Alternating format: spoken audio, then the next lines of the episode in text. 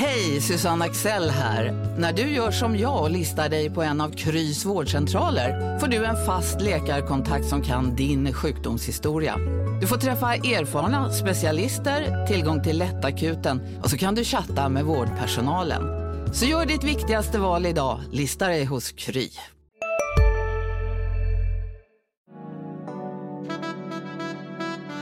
Du lyssnar på en podd från Närkes Allehanda.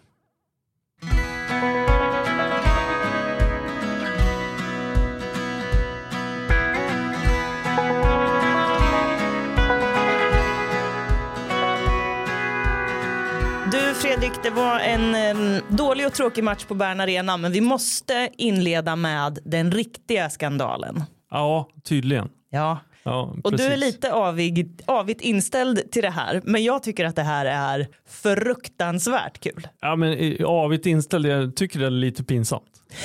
Jag tycker bara att det är roligt. För att ska man, som vår kollega Erik Fiedler sa här ute, att ska man felcitera då kan det åtminstone få bli kul. Ja, det, det kan man säga. Det, det kravet är uppfyllt. Precis. Så här var det ju då. Igår under matchen så hamnade Nasiru Moro som växer mer och mer fram till en stjärna på alla sätt. Inte bara i, i form av bra insatser på planen utan han börjar verkligen bygga legenden om sig själv. Och Generationer kommer att prata om Nasir Moro. ja, precis. Ja, ja, ja, ja. Han har ju fått en egen eh, flagg, banderoll också. Jaha, okej. Ja, eller jag såg den igår i alla fall. Jag vet Ja. inte hur länge den har funnits men det står Moro står det bara. Ja, just det. Jag såg den på...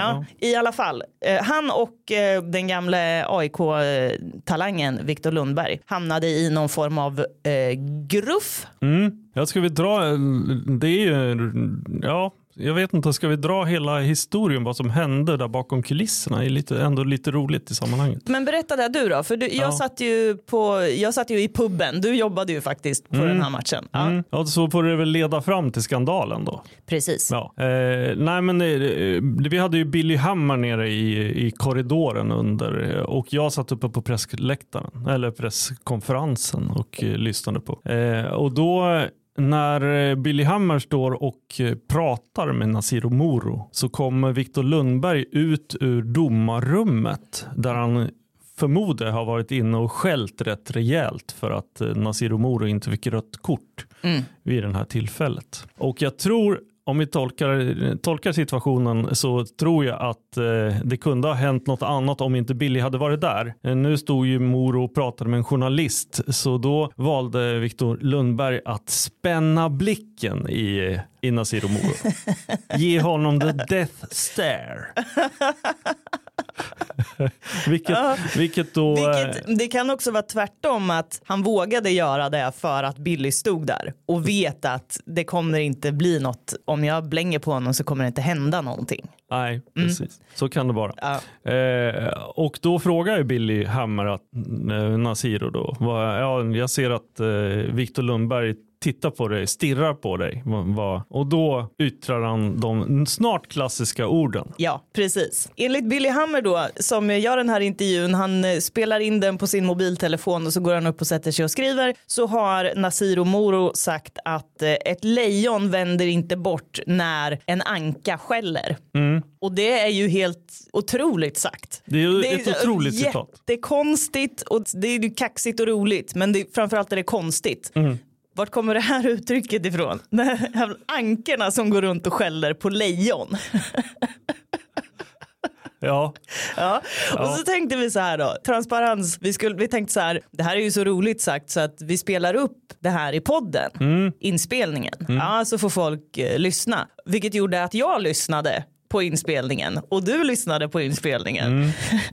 och då hör man ju klart och tydligt att Nasir Moro säger ju inte anka.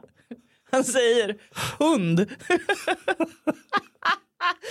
Och så blir det lite, hans dialekt gör ju att dog låter lite som dock. Ja. Vilket Billy Hammer har fått till duck. ja. En, en skällande anka har han trollat fram. Vi ska lyssna på, ni ska, få, ni ska få höra det här allihopa så att ni förstår vad vi pratar om. Här har ni Nasiru Moro. you know lions never turn around when you see when you see a dog barking you know so it's just part of game and I'm not. I'm Ja, not vad säger du Fredrik? Det, eh, Ja, kommer, kommer, jag vet inte. Ja, Det, det, händer, alltså, det, det händer konstiga saker när klockan är 11 på kvällen Ja. och, eh, och saker måste bli färdiga. Så, så är det. Och eh, jag kan inte svära mig fri från det här heller. Jag var ju med och eh, föreslog översättningen. Mm, Eh, även om jag inte i det läget hade hört.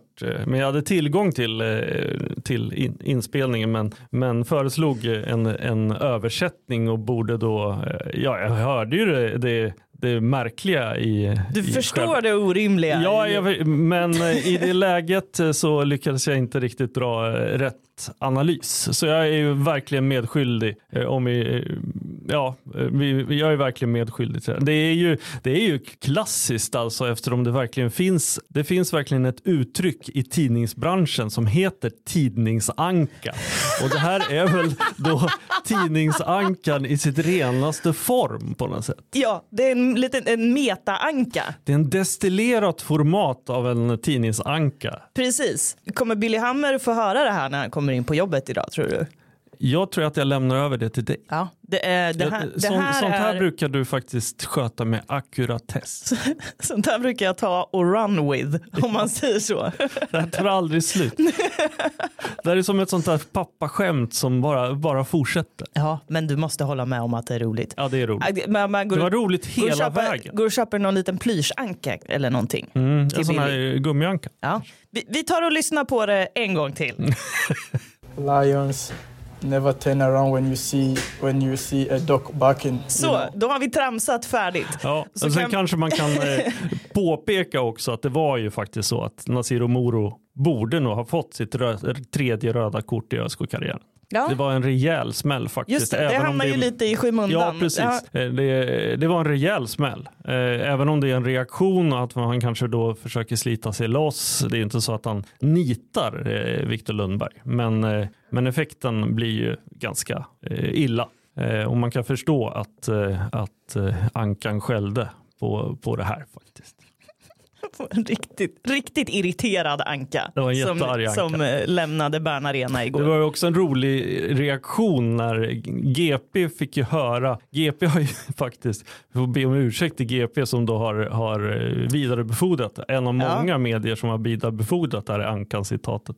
Eh, de, gick, de sprang ju ner till och pratade med Viktor Lundberg och, och förklarade vad han hade sagt. Och, Att han kallar dig för en skällande anka. Ja. Och Viktor Lundberg, han svarade ju till och med något sånt där. Han blev helt ställd och bara, ja ibland undrar man ju. Ja. Alltså, ja. Ja, man kan liksom höra indignationen i, i, i citatet när han säger så här.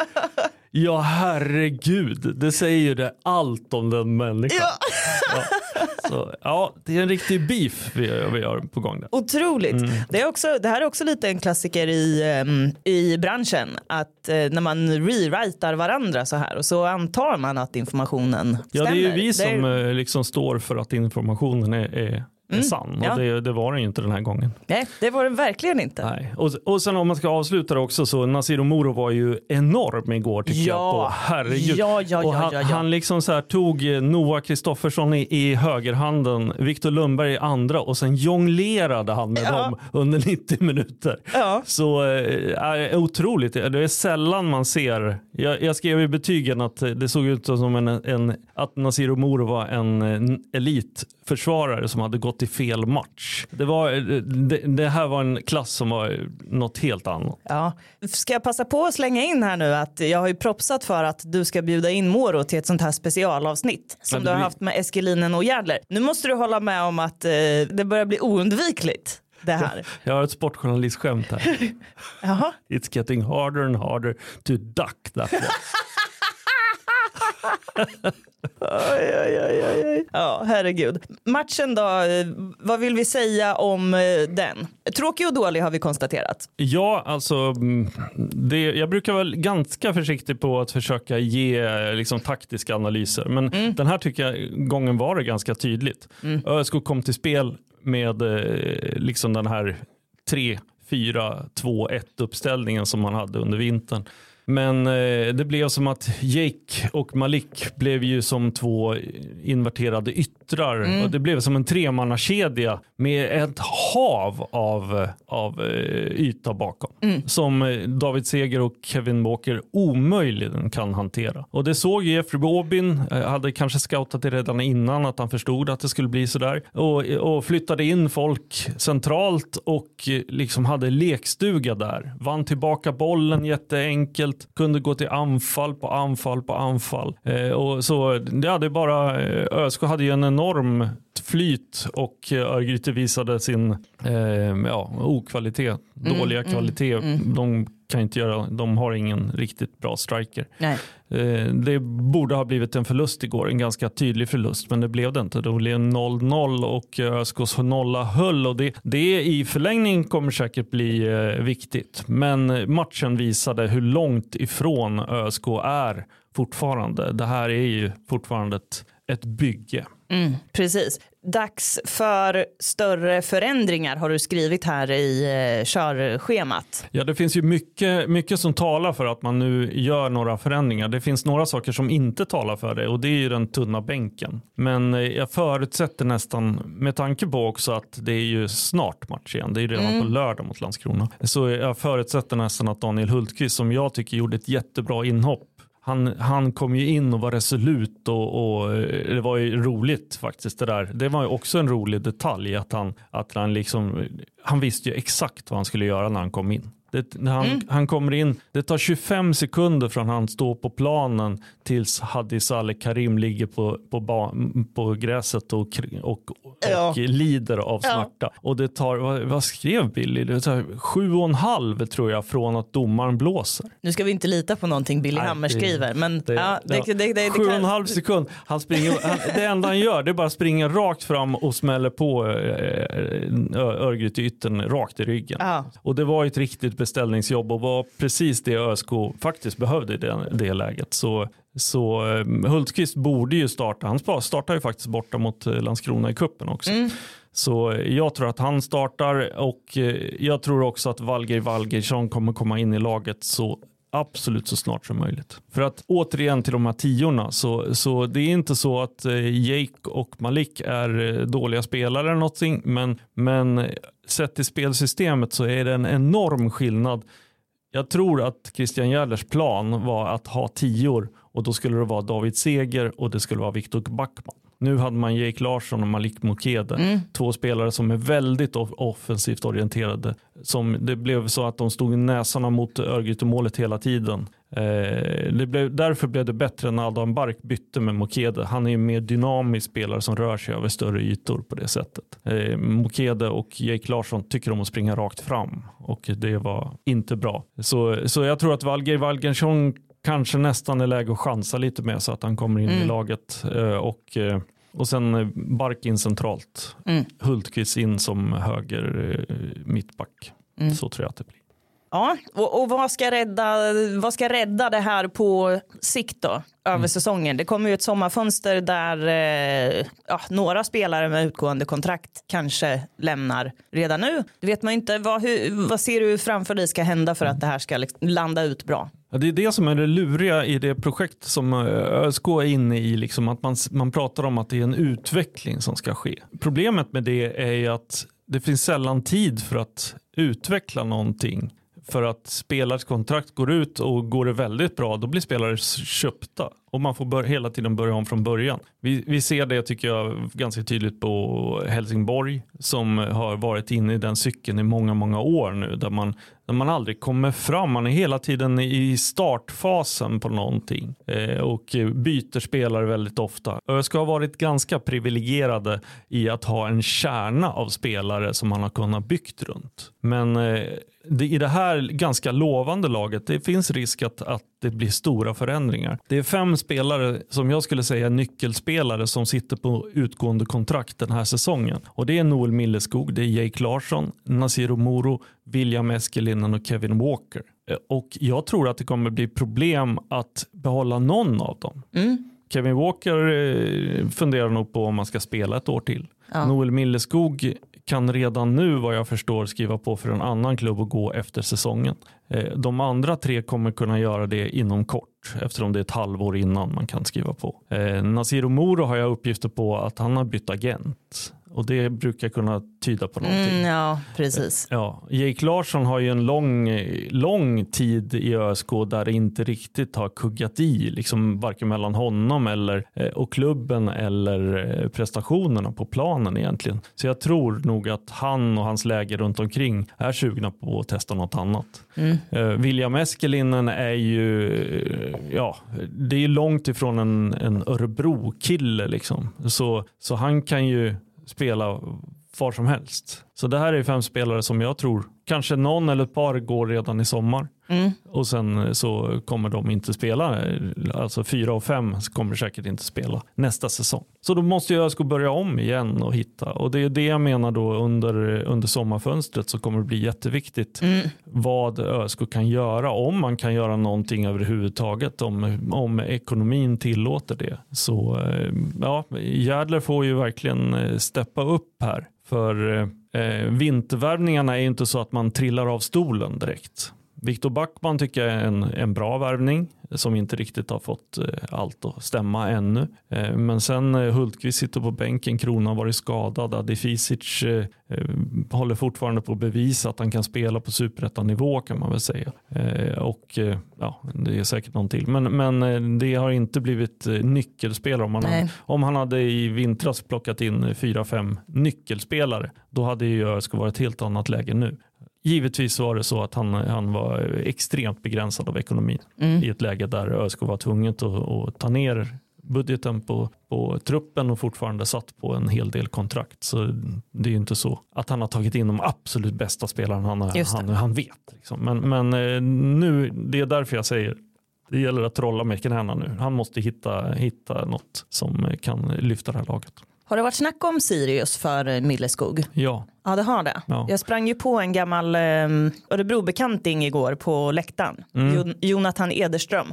Som, eh, han tränade ju Karlslund ihop med Samuel Vovoa för de som inte vet det. Och sen gick han till Sirius och blev någon form av assisterande slash akademitränare. Så han var i, både i A-laget och i akademin. Och nu har han någon ny roll där han, jag kommer inte ihåg vad han sa exakt men om han Scout, sa, han är ju scout, precis, ska, chefscout eller något sånt där. Mm, precis. Och han sa ju inte rakt ut att han var där för att titta på eh, Noel Milleskog. Men han var där och sen hade han, han pekat på några kompisar också som hans liksom gamla Örebro-kompisar som han skulle träffa och sådär. Kan ju såklart betyda någonting. Mm. Nej, men, eh, Jonathan Ederströms namn har verkligen kommit upp mm. i de källor som jag har. Mm. Eh, så så det, det var ju, om du träffade honom där så kan ja, jag ja. nog säga att, Ja. eh, konstatera att det var för att titta på. Ja. Kanske på, kanske på Nasir Moro också. Det är Mm. inte helt omöjligt. Nej, verkligen. Eh, och, och andra. Men jag, skulle nog, jag skulle nog spekulera i att det var på Noel Milleskog, vilket jag är 100% säker på egentligen. Mm. Och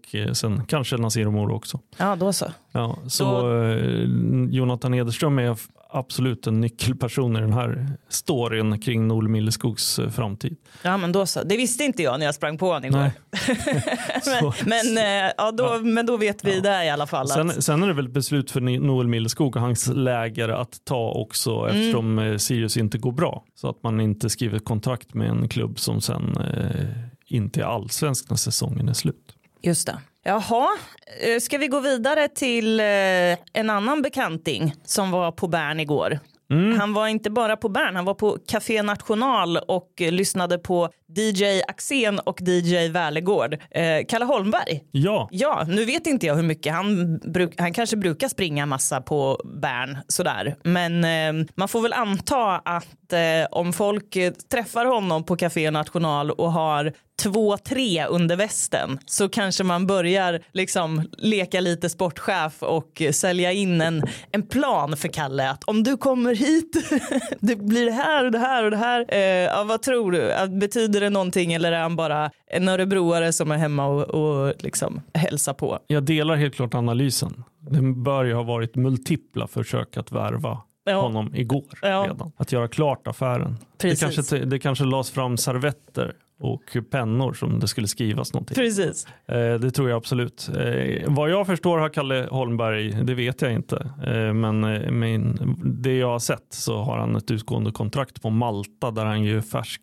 maltesisk ligamästare. Mm. Mm. Han kom ju in i ett läge lite som eh, Filip Rogic i, i Thailand, Mm. att man kommer in i slutskedet av, av en vinstmaskin. Så Filip är ju Thailands mästare och Kalle Holmberg är maltesisk mästare. Men eh, åter tillbaka till det där med trolla med knäna. Det här är väl precis en sån spelare som eh, kanske då Christian Gärder skulle behöva kunna Ja. säkra. Och det kan ju eh, inte Christian Gärder absolut göra själv utan, utan det skulle ju krävas en större insats från eh, ett nätverk kring Mm. ÖSK. Ja, men det är en spelare av en kaliber som ÖSK faktiskt skulle kunna få tack vare hans historia i, i stan och klubben. Ja, han har ju familj här. Eh, om man vill flytta hem familjen så är väl ÖSK faktiskt ett tänkbart alternativ. Jag tror att det krävs en del pengar eh, och det krävs nog att han tror att ÖSK snart är allsvenskt igen.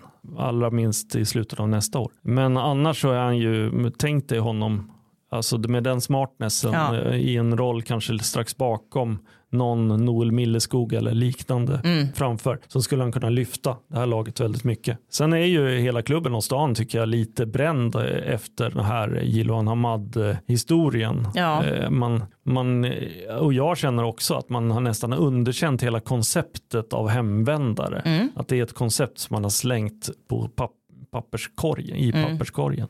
Eh, Men Kalle Holmberg, spelstil och allting. Jag tror inte att han kommer komma hem och göra 20 mål. Det, men han kommer eh, förbättra ÖSKs offensiv. Han skulle Mm. göra det väldigt tydligt. Det tror jag Så med. där, eh, det är väl trolla med knäna grej för Gärde Ja. att sätta sig med. Absolut, precis. Det, där är ju, det är ju en intressant sak du är inne på där att eh, det känns som att man har bränt hemvändarkortet. Ja, Det beror lite på vilket håll man ser det från. För att hemvändare som, som koncept i allsvenskan brukar ju faktiskt kunna bli rätt så bra. Alltså om du har en Sebastian Larsson som kommer hem eller en Marcus Rosenberg. Nu är inte Kalle Holmberg riktigt på de, de nivåerna men det är fortfarande samma sak. Det är väl snarare så att det spelar ingen roll riktigt vad ÖSK har testat. De senaste åren så, så har det inte funkat inklusive hemvändare, inklusive det som inte skulle kunna gå fel. sen finns det en liten detalj också som kan eh, sätta käppar i hjulet här tror jag. Hälsenorna. Nej, nej, nej inte jag. eh, Skatteregler. Ja, ja, ja. Du menar, jag trodde du menade Mm. För- Hamad. Nej, Ja, för. Kalle- Kalle för Holm- Kalle Holmberg. Ja. Just det. Mm. Eh, det finns någonting, jag vet inte exakt när Kalle åkte utomlands, eh, men Mm. det finns någon tidsgräns där, där eh, om man kommer tillbaka för snabbt så kan man bli, jag, jag tror, nu är inte jag någon revisor, men jag tror att man blir, blir skatteskyldig egentligen för hela, man blir skatteskyldig i Sverige Ah. för det han har s- absolut, där, ja. absolut att för en, en eventuell sign-on men det kan även vara för hela Mm. summan där på Malta och det blir ju liksom en omöjlig situation. Ja, Så det, det är där, därför är det ingenting om, om Kalle men det, handl, det är ju den bakomliggande orsaken när de här spelarna flyttar till typ Kazakstan. Spel, tränaren får sparken efter en kvart. Mm. De, de får aldrig spela mer men de hänger kvar liksom, eller så går Ja. de till någon annan klubb. Man måste, skattereglerna gör att det blir helt ohållbart att, Mm. eh, att flytta tillbaka för snabbt. Vi är specialister på det vi gör, precis som du. Därför försäkrar vi på Swedea bara småföretag, som ditt. För oss är små företag alltid större än stora och vår företagsförsäkring anpassar sig helt efter firmans förutsättningar. Gå in på swedea.se företag och jämför själv.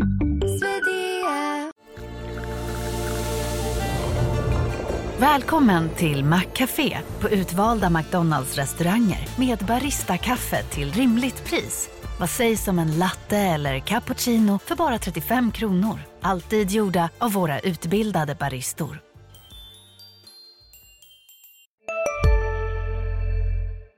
just det. Det där får Järdler bara reda ut trolla med knäna. Ja. Du, till sist här så ska vi prata om eh, publiksvängen och det eh, känns som att eh, det har hänt mycket bra. Du nämner till exempel här sektion K och Västra Stå brinner. Och Mm. de hade ju, GFÖ hade väl femårsjubileum Ja. igår va? Också en, en, ett jättebra nytt eh, initiativ som har kommit på, på senare tid runt ÖSK. Så att i den aktiva delen så känns det som att det är s- superbra Det runt blir bara ÖSK. bättre och bättre. Ja, det- verkligen. Borta följe Mm. blir bara bättre och bättre. Ja. Men sen är det den här breda eh, publiken. Publiksiffran igår var 2 500 tusen. Mm. Och eh, ja, vi satt faktiskt och pratade om det före matchen igår, jag och några som jag gick med. Och jag kommer ihåg en intervju som jag gjorde med Simon Åström för, jag vet inte hur många år sedan, kan ha varit 2018, 19 eller någonting. Då sa han att när vi har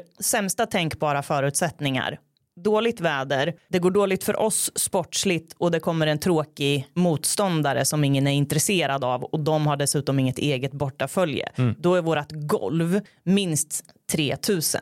Det är 3000 som alltid kommer hit vad som än händer. Så. Och den verkligheten känns ganska långt borta nu. Mm. Det, var, Tyvärr. ju- det var ju en allsvensk verksamhet. Ja, ja, ja själv, Ja, självklart. Ja. Men, men absolut så är det ju. Och jag tycker att det är en ögonöppnare när man tittar i eh, publikligan just nu och Mm. ser att ÖSK ligger då på sjätte plats i superettan. Mm. Och det kunde inte jag, eh, det, det får jag säga, det kunde jag inte föreställa mig när ÖSK åkte ur. Jag, jag kunde inte föreställa något scenario där ÖSK skulle vara sexa i publikligan i, i superettan. Det, det är delvis på grund av att eh, jag tror inte att de har, de har väl inget sämre publiksnitt än förra året. Så det är, det är några lag som har höjt sitt publiksnitt. Men det ingår ju också Ja, ja, i visst. gamet. Så eh, där är det ju, tycker jag, det, det tycker jag är ett allvarligare problem än eh, en, en blek 0-0 match mot Örgryte Gud ja. eh, för, för framtiden för ÖSK. Det är Mm. bara att titta några, några hundra meter bort där Örebro Hockey faktiskt har, jag, jag skulle säga att de nästan har byggt hela sin framgång på, förutom att de fick en, en, en ekonomisk boost i början från en, en ekonomiskt stark person. Mm. Eh, Men, men eh, över tid så har de byggt sin styrka på att hallen är full. Mm. Och det, det bygger något intresse och det bygger lojalitet och sådär. Mm. Och det, det är ju sådär, det, det är ganska enkelt. Om, om alla som ville ha allsvensk toppfotboll i Örebro gick på matcherna. Ja. Det skulle, det kanske är, ska vi säga att det är 10 000 personer. Om de skulle gå på matcherna Ja, ja, ja. Så skulle precis. ÖSK bli ett allsvenskt topplag. Det, det är en väldigt enkel, ja. Det, det, det här är sant. Det, okej. det, är en saga men det är sant. Eller hur? okej. Ja, nej men eh, skulle man kontinuerligt dra 10 000 på, på Bern Arena, Mm. där är, det är en fabel. Mm. Men, men eh, effekten skulle bli Ja, att ÖSK ja, ja, över tid Mm. skulle vara en topplag i allsvenskan. Det är jag helt säker på. Men man kan ju inte, det, det går inte, publiken kommer inte på grund av att man tror att eh, man blir ett topplag. Nej, om nej, några nej, nej, år. nej, precis. Nej, så, så är man måste ju. ju förtjäna sin publik. Helt Ja, precis. Och men, du, men det jag menar är att, att staden måste ju också förtjäna sin klubb. På något sätt. mm, Det, det, det finns ingen som, som eh, det finns ingen krav på att du ska gå på fotboll om du är intresserad av fotboll. Men det går inte heller tycker jag att bara kasta bollen till ÖSK och säga att de har misslyckats. Om staden inte ger pengarna bakom och om staden inte har en publik som förtjänar mm, ett topplag. mm. Och om nu ÖSK är sexa i publikligan. Om sponsorpengarna inte riktigt når upp, eh, traditionellt sett är ÖSK skapligt bra på sponsring. Så, så jag sågar inte det på något sätt. Men om inte pengarna till, finns där tillräckligt, om inte publiken finns där tillräckligt, vad är det då som, som egentligen, det är ju ingen eh, så här eh, förutbestämd, det är inte förutbestämt öde att ÖSK ska vara i allsvenskan. Det här måste man förtjäna på många olika, Mm. olika nivåer. Och eh, kanske man inte gör det just nu. Alltså då pratar jag om, om Örebro som stad. Mm. Jag hör vad du säger. Mm. Sen så är det ju fortfarande så att ÖSK måste ju hantera frågan som att det bara är upp till dem. Ja, de, absolut. kan ju, de kan ju bara- men, de, men de kommer ju ingen vart Nej. på, även om det stämmer där du säger, så det hjälper inte dem överhuvudtaget. Nej. Jag satt ju i den här puben igår som ligger ovanför sektion C och verkligen tänkte på det som du är inne på. Hockeyn har kommit långt på liksom få den här breddpubliken och det är trevligt att gå liksom. Och jag satt och tänkte så här, skulle det vara så svårt att bara inreda lite grann här inne? Alltså och bara göra det lite mer, det är inte mycket folk som ens kommer dit. Det, så skolmatsal hade varit en komplimang till den här lilla lokalen. Det är liksom inte kul. Så att det är också mycket det där, det är mycket som behöver göras på Bern Arena för att eh, folk ska vilja gå dit. Sen är det alltid det sportsliga, det vet jag, som, som avgör om folk går eller inte. Men eh, man skulle verkligen kunna göra väldigt, väldigt mycket för att det ska vara kul att gå dit. Och ÖSK är ju ett läge där man inte kan anställa massa folk på kontoret istället har man ju tagit bort.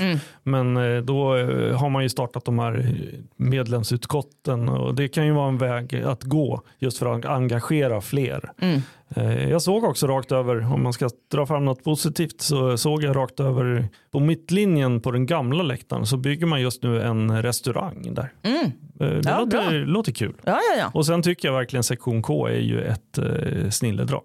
Att man, Ja, bygger, verkligen. man bygger någon arena i arenan på något sätt, nästan Mm. en publikarena i arenan. Eh, Och, och då också när man flyttade klacken längst till vänster på Västra Stå för just att skapa den här enheten. Det, är- Samspel. Mm. det, det är mer, mer sånt. Så eh, det kommer bli viktigt framåt. Mycket bra. Innan vi går in på vad händer med honom så är det väl på plats, det är väl dags att du får cred för din P.O. Jung-spaning. Ja, du hade ju jag. otroligt rätt där. Du hade koll på P.O., du hade koll på klubben och deras vision och du såg att det här, nej, nej, nej, nej, nej. Nej, det här kommer inte gå. Och nu har han ju mycket riktigt fått eh, sparken. Japp, han fick Mm. Ersattes av en gammal Degerfors-tränare. Stefan Jakobsen. Mm. Ja men det är synd. synd. Alltså, I ah, hans eh, barskhet och lite, lite kantighet så, så gillar man ändå P.O. Jung på något sätt. Jag jobbade ju aldrig med honom. Eh, De som gjorde det vittnar ju om att det inte alltid var Guld och gröna. guld och gröna Ja, skogar. det. Det, det, var, det kunde vara lite, lite svajigt ibland. Eh, Lite, lite kommentarer och lite svårt att jobba. Mm. Men, eh, men alltså, ja, men, eh, jag har ju en lite fäbless för sådana där kantiga typer. Ja. Tycker det ska skava lite. Ja. ja, men då Fredrik eh, gör vi väl så att vi avrundar programmet med vad hände med honom? Och då ska jag prassla lite samtidigt som du, du kan förklara lite kort här nu bara. Jag tror folk vet vad det här är för någonting. Ja, precis. Vi, vi har ju eh, klippt papperslappar med alla spelare som har representerat ÖSK sedan 1994.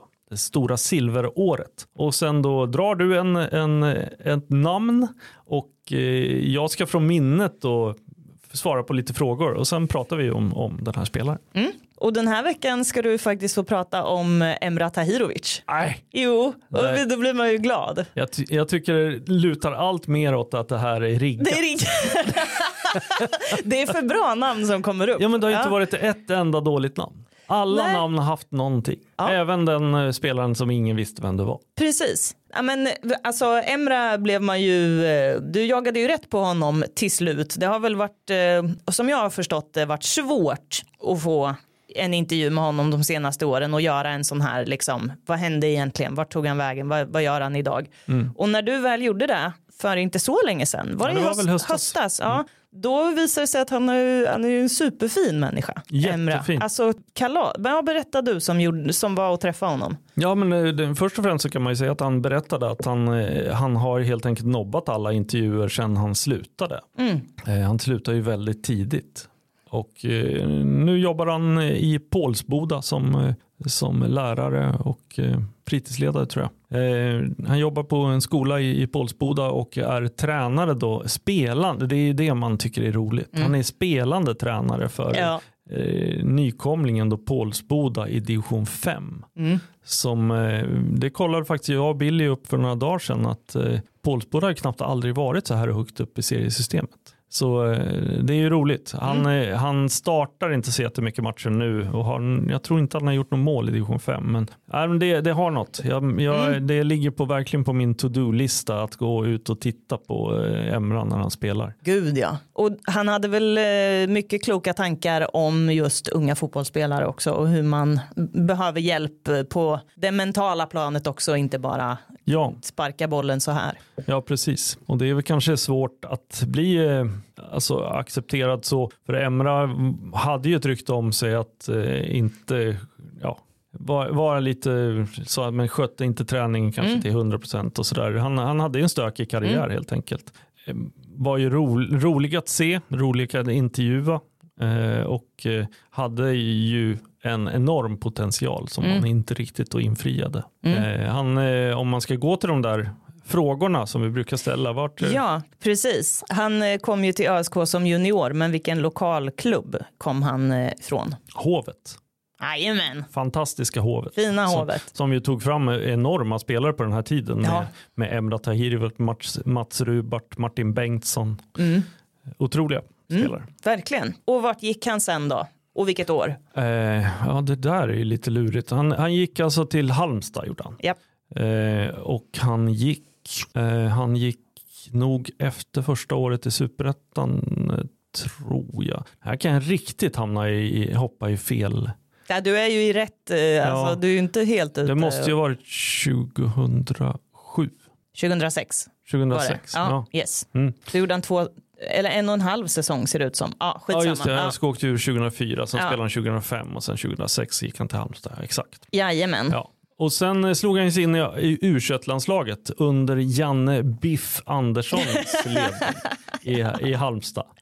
Eh, och gjorde ju en hel del mål där en vår. Ja. Och då fick eh, Lill, Jajamän. upp eh, ögonen för honom. Mm. Det var en stor grej, såldes för flera miljoner dit. Och eh, Lill var ju en stor klubb då. Han, han spelade ju tillsammans med Patrik Klöivert. Mm.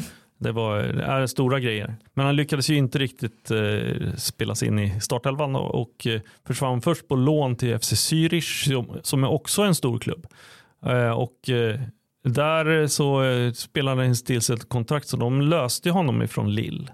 Så övergången blev, blev eh, permanent. Men eh, det var ju en, han, han hade en, en tränare där som var ganska eh, barsk tror jag. Ja. Eh, och samtidigt så hände det saker i familjen för, för Emra. Mm. Som han berättade då om ett, ett, ett barn som föddes med speciella behov. Och i det där så Emra är en väldigt snäll person. Så i det där och krocken med det tuffa proffslivet där, där man kunde, han berättar att man kunde försöka sätta dit folk på olika sätt, skada dem på träning bara för att spela. Eh, I det där så tappade han på något sätt lusten att spela fotboll. Eh, och eh, han gjorde ju ett försök, han var ju hemma i ÖSK ett, en sommar och, eh, och var på lån. Mm. Eh, jag vågar knappt säga när det var heller. 2009 ska det ha varit. 2009, Ja. ja. ja. Ja. Precis, och då var han ju, han är född 87 så han var ju bara 22 år då fortfarande. Eh, men ja, det, det funkade inte och han lägger av då. Han gjorde ett comebackförsök i en schweizisk klubb som heter Winterthur. Eller. FC Wil står det här. Ja, Ja, FC sa jag. då är Ja. vi på 2013. Mm. Han gjorde ett comebackförsök där, eh, bantade ner sig för han var rätt så stor eh, och hamnade ändå i form och spelade och gjorde mål i den schweiziska andra ligan. Och sen så valde han att helt enkelt avsluta karriären för att sen göra comeback i Pålsboda. Pålsboda Goif. Ja. Ja, fan det är ändå imponerande att du har de här i huvudet. eh, Alla turer. Ja, Mm. snyggt. Jaha, match eh, redan på lördag igen. Nu är det lite tätt på given här som man... Ja, jag, jag såg någonting att det, var, att det var ett antal matcher på 20 dagar tror jag. Just det. Mm. Ja. Men eh, ja, jag ska ha haft en lång, eh, Superettans spelprogram är ju väldigt speciellt alltså. Mm. Matcherna går ju från fredag kväll till eh, tisdag kväll. Och det är fem dagar. Mm. Som, eh, som omgångarna är utspridda, utspridda på. Så eh, jag skulle ha haft några sådär att man, man har spelat en, en fredag och sen har man inte haft match tis, för en tisdag nästa vecka. Och sådär. Tio dagar mellan matcherna. Nu är det bara ett par tre dagar tills eh, Landskrona. Eh, och det blir spännande att se. ÖSKs säsong ligger ju och vippar i vågskålarna. Vart, mm. vart ska den ta vägen någonstans? Ja, det var, tyckte jag var en rolig eh, detalj också att du satt i studion här och förklarade för Christian Järdler att här i den här klubben så vinner vi inte de här matcherna. Bara så att du känner till det. Och liksom, tack, det där behövde jag höra Fredrik. ja, precis. Ja, det, blev, det blev lite för sant. Ja, men men såg du den där siffran att ÖSK alltså inte vunnit tre matcher i rad förrän sen 2018?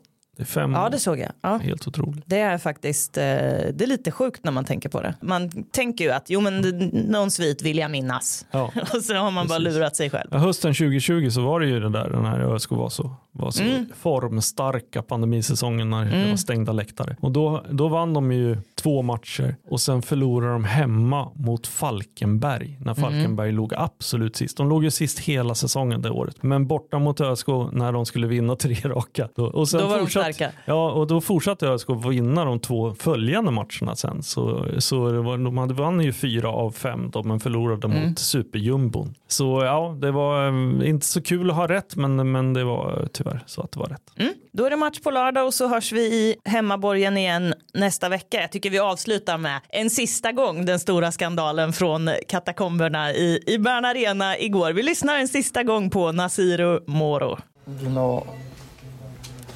lions never turn around when you see when you see a dog barking, you know. So it's just part of game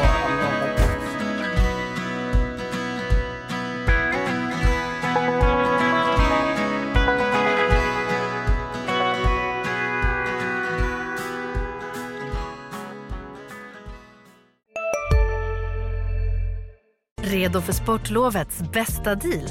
Ta med familjen och njut av en Big Mac, McFeast eller Cooper Cheese och Company plus en valfri Happy Meal för bara 100 kronor. Happy Sportlovs deal, bara på McDonalds. En nyhet. Nu kan du teckna livförsäkring hos Trygg-Hansa. Den ger dina nära ersättning som kan användas på det sätt som hjälper bäst. En försäkring för dig och till de som älskar dig. Läs mer och teckna på trygghansa.se. Trygg Hansa. Trygghet för livet.